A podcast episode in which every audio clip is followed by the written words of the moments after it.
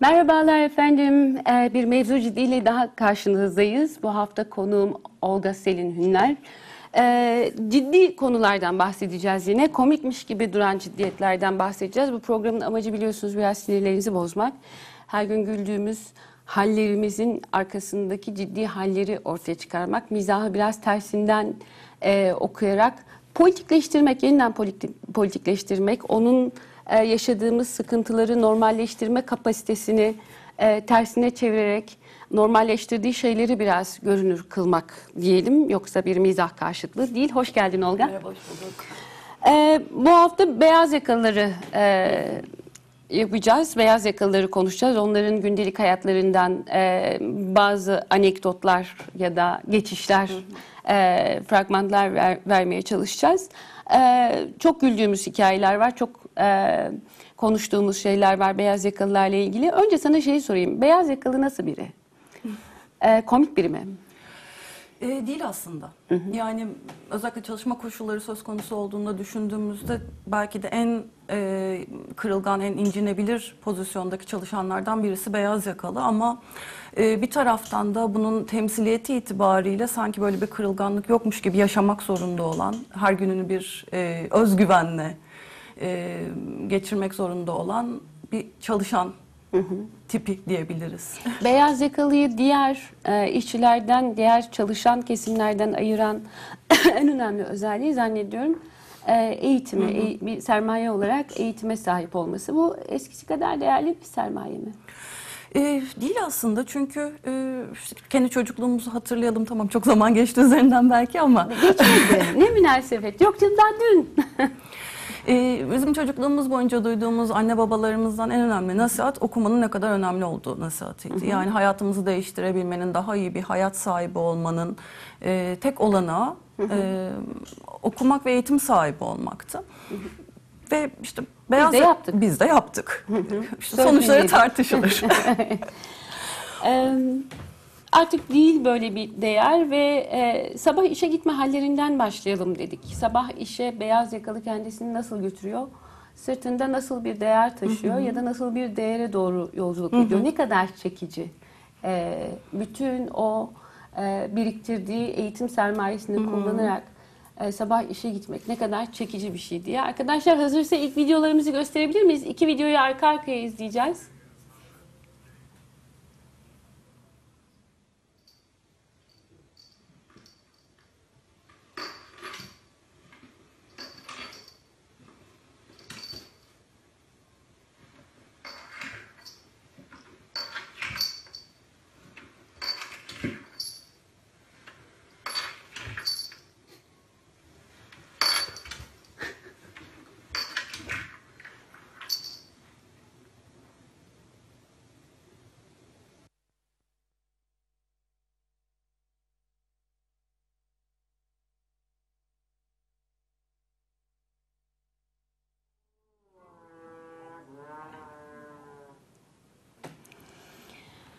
Bu iki videoda e, son bir yıl içerisinde zannediyorum ki yüzlerce defa hem Twitter'da hem Facebook'ta a- altına işe giderken ben başlığı e, yazılarak, e, cümlesi yazılarak e, paylaşıldığını gördüm. Ve ilk bakışta özellikle e, kutup ayısını ilk gördüğüm zaman ben de bir hayli güldüm.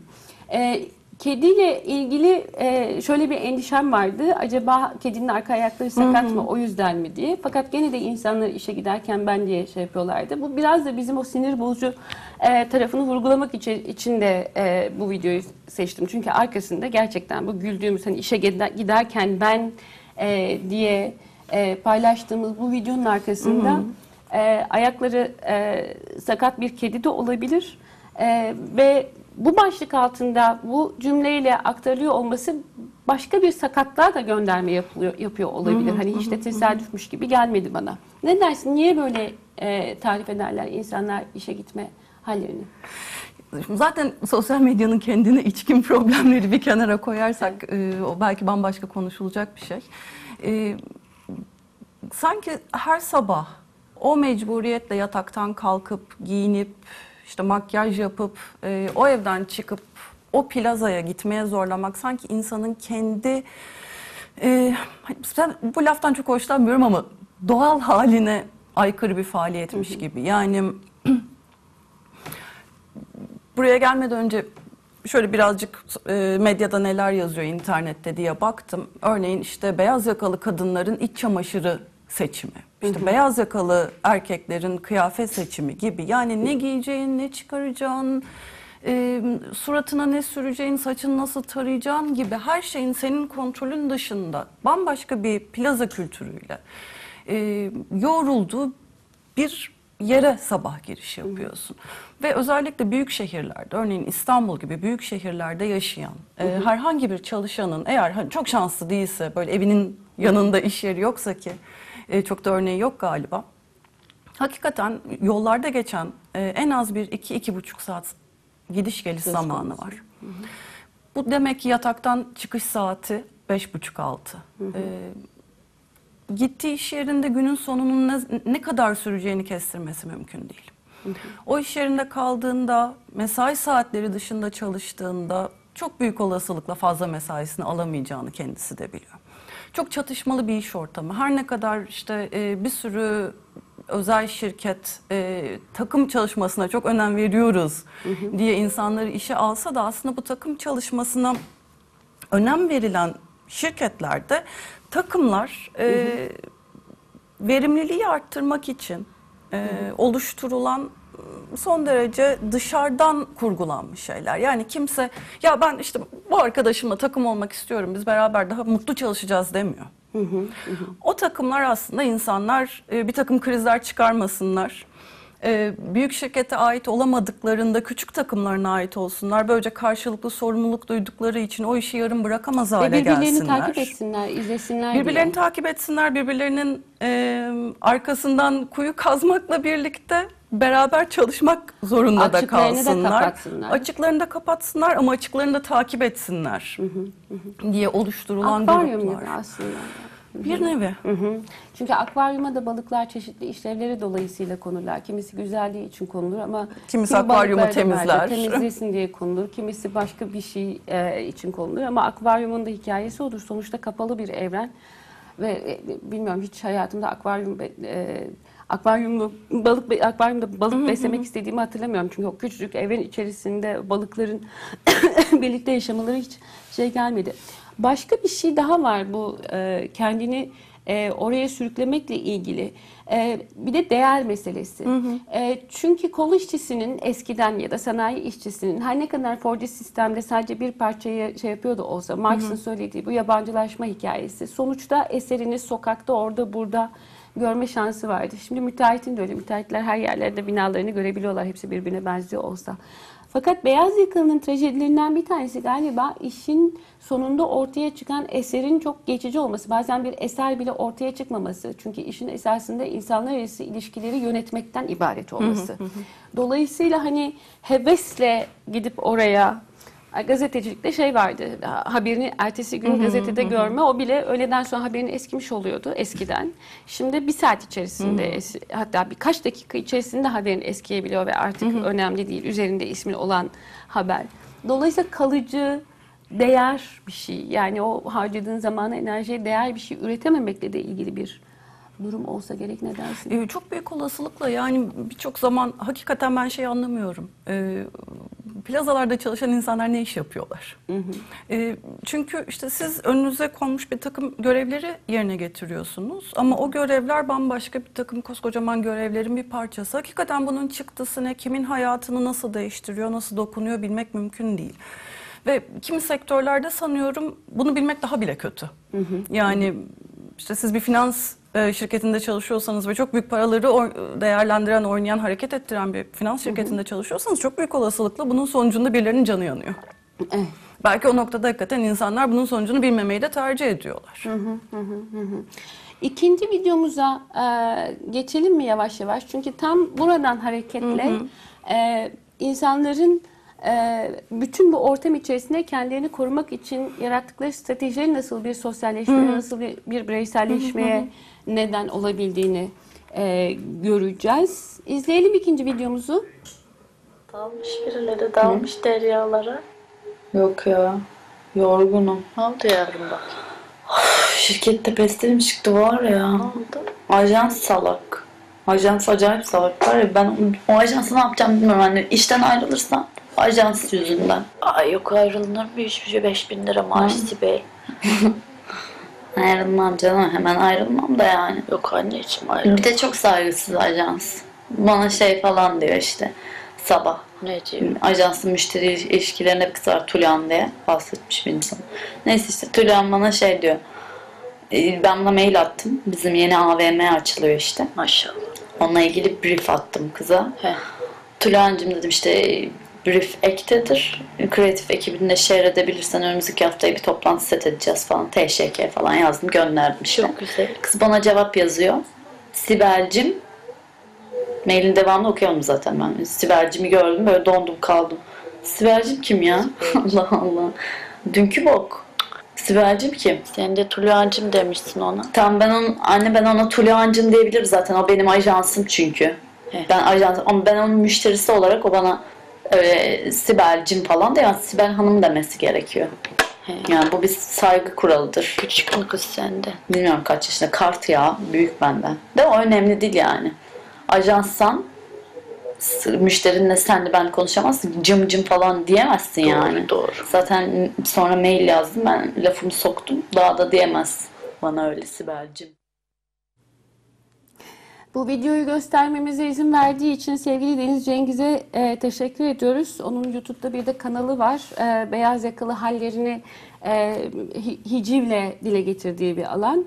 E, bir- Birçok video var buna benzer. Bu onlardan bir tanesi değer ve e, hiyerarşi içerisinde kendini ifade etme mevzularına dokunduğu için e, seçtim ben bu videoyu. Ama şöyle bir şey söylemek istiyorum bu bir eleştiri gibi. Hani plazanın diline, plazada kullanılan işte İngilizce, Türkçe karışık e, dili bir eleştiri, bir taraftan bir özgüven eleştirisi vesaire falan ama e, bir taraftan da hani e, şeyi de göz önünde bulundurmak lazım bu eleştiri yaparken e, fazla acımasız olmamak için.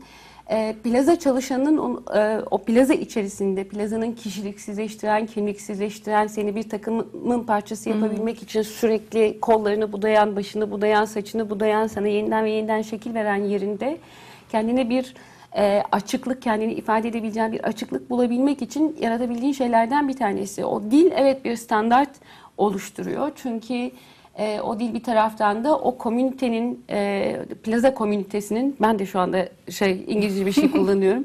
Plaza cemaatinin bir parçası olmanın getirdiği bir şey. Fakat diğer taraftan o ilişkiler içerisinde kendine bir yer de açman lazım ve o yer çok dar ve o yer o yerle ilgili çok e, competition, e, rekabet var.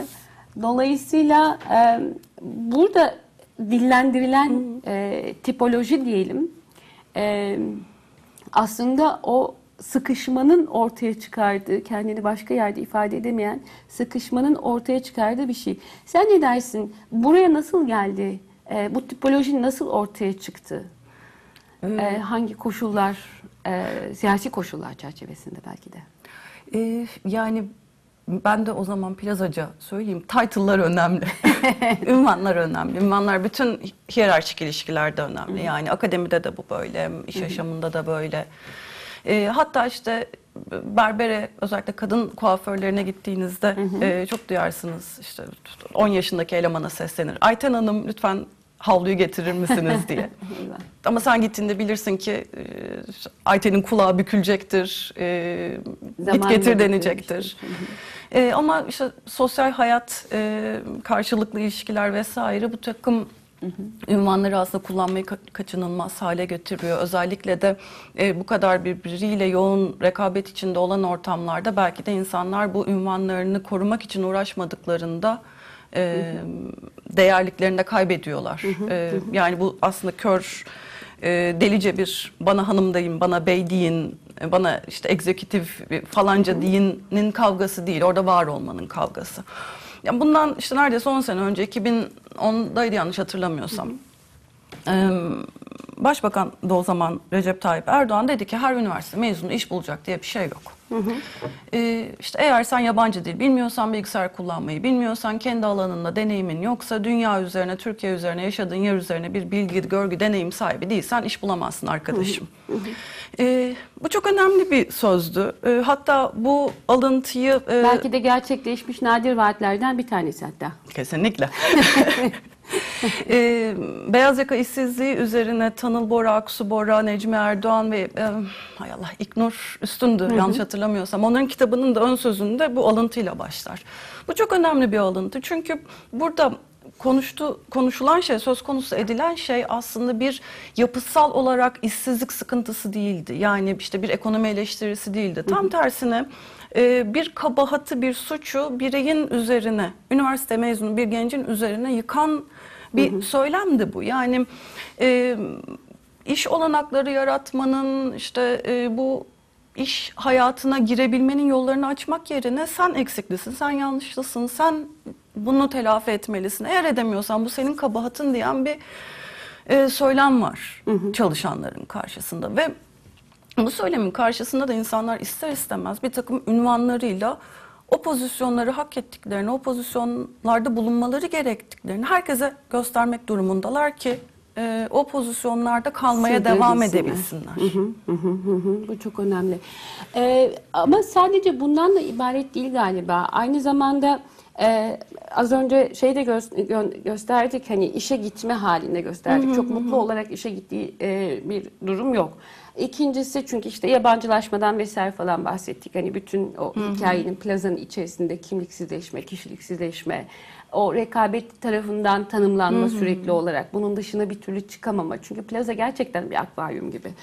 Öte yandan e, öğle saatler içerisinde çalışıyorlar ve çalışma saatlerinin dışında da işte o şeyler team up etmek için yapılan etkinlikler, e, oyunlar vesaire falan icat edildi. Onlara katılmalar, işte hizmet içi eğitimler, hafta sonları yapılan vesaire falan derken esasında dünyanın plaza dışındaki e, evreniyle e, pek de yan yana gelme ve dolayısıyla hayatında başka anlamlar üretme şansı da yok plaza insanın.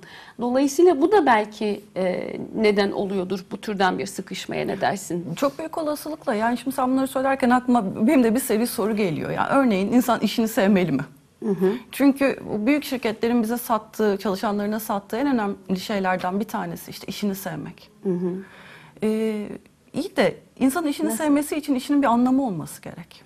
Yani her sabah o yataktan heyecanla kalkmaya sebep olacak bir şey olması gerekiyor. Ve gerçekten bir maaşı çalışan kendi işini sevmek zorunda? Ben bundan çok emin değilim. Yani buna bir soru işareti koyup belki sonra tartışmak üzere bırakmak lazım.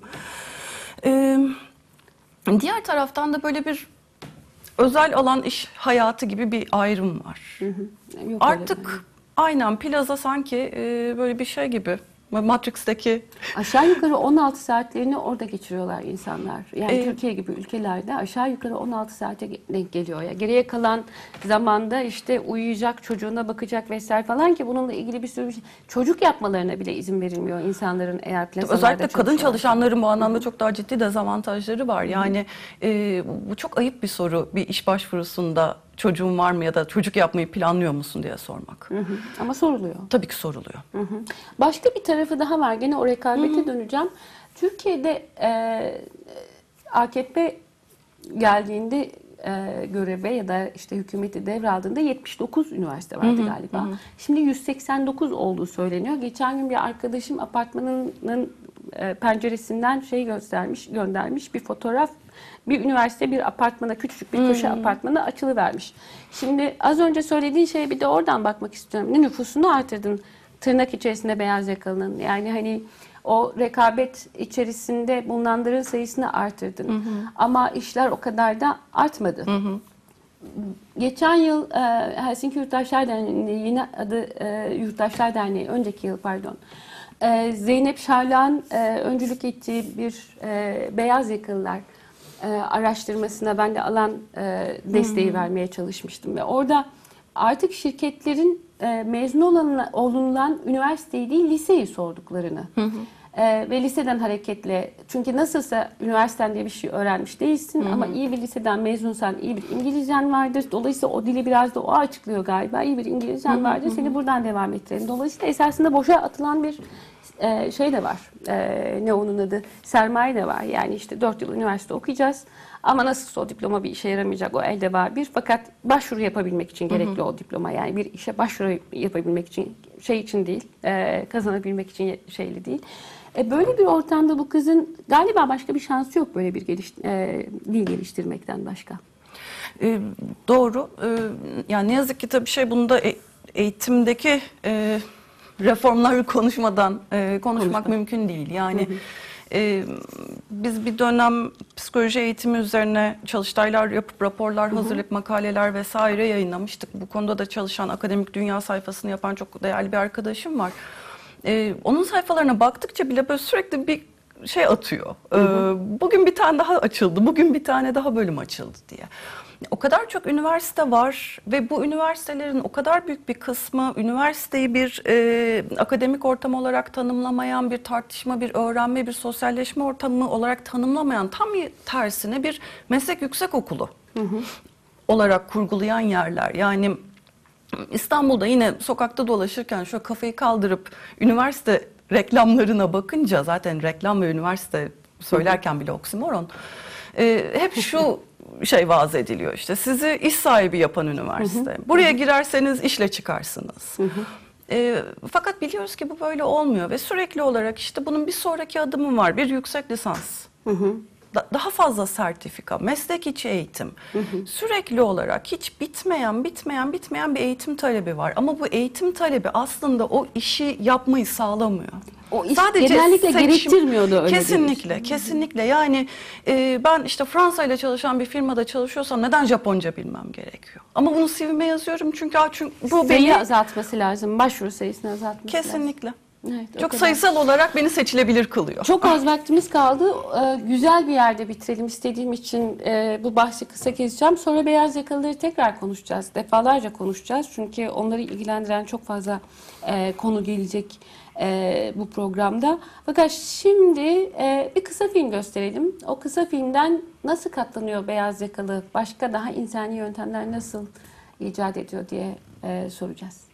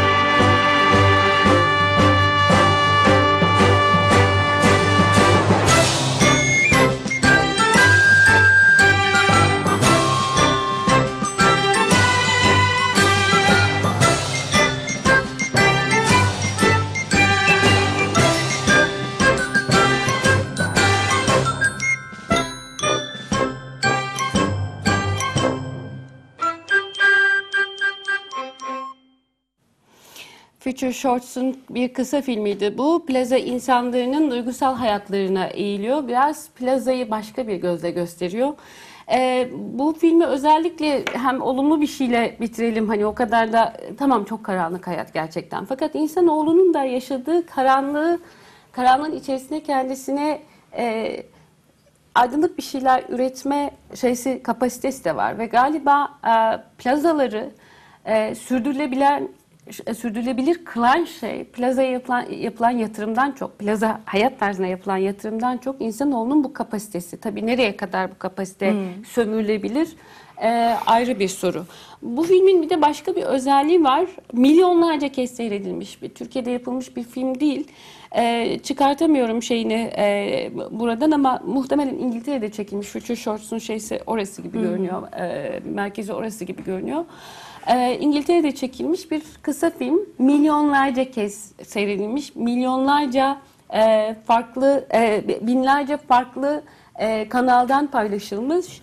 Çünkü e, esasında her ülkede neredeyse her ülkede e, çünkü evrensel bir tarafı da var. Yani plaza insanının e, galiba bir diğer tarafı da kozmopolitan olması, küresel bir tırnak içerisinde yaratık olması. E, fakat bir türlü de e, küresel bir harekete dönüştürememesi bu halini. Önce şeyi söyleyeyim sana. Ne hissettirdi bu sana? İyi programcı, kötü programcı olacaksak ben tabii ki kötü programcıyım. Lütfen. Ee, açıkçası ben ilk seyrettiğimden beri böyle bir huzursuzluk içindeyim bu videoya karşı. Hmm, Yani şüphesiz insanların çalıştığı yerde ufak alanlar yaratması, küçük mutluluklar yaratması e, çok güzel bir şey günü geçirebilmek adına. Ama öte taraftan da gerçekten e, o insanlara mı aşık olmak istiyoruz? Çünkü başka şansımız yok. Yani eğer ben günün 16 saatini kapalı bir binada geçireceksem oradan birine aşık olmak zorundayım. Orada çalışan bir kadına ya da orada çalışan bir adama aşık olmak zorundayım.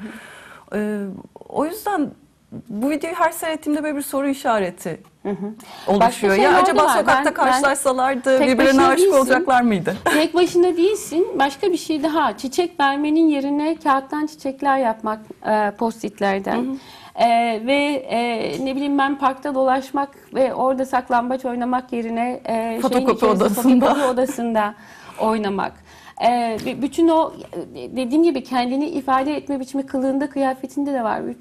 Ancak hani plazadaki kişiliğiyle sıkıştığı kişiliğiyle e, kendisini ifade edebilir ve bir aşk söylemine ancak oradan dahil olabilir. Çünkü sonuna kadar daralmış bir şey.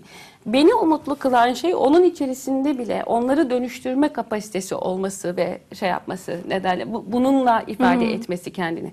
Çok trajik yani alabildiğine trajik. Hangisi daha insani onu da bilmiyoruz. Yani hani bu, bu bunu insani yapan şeyle e, doğadan çiçek toplayıp sevdiğine güzel olduğu için veren şey aslında aynı. Fakat sıkıştığı yer çok fena bir yer.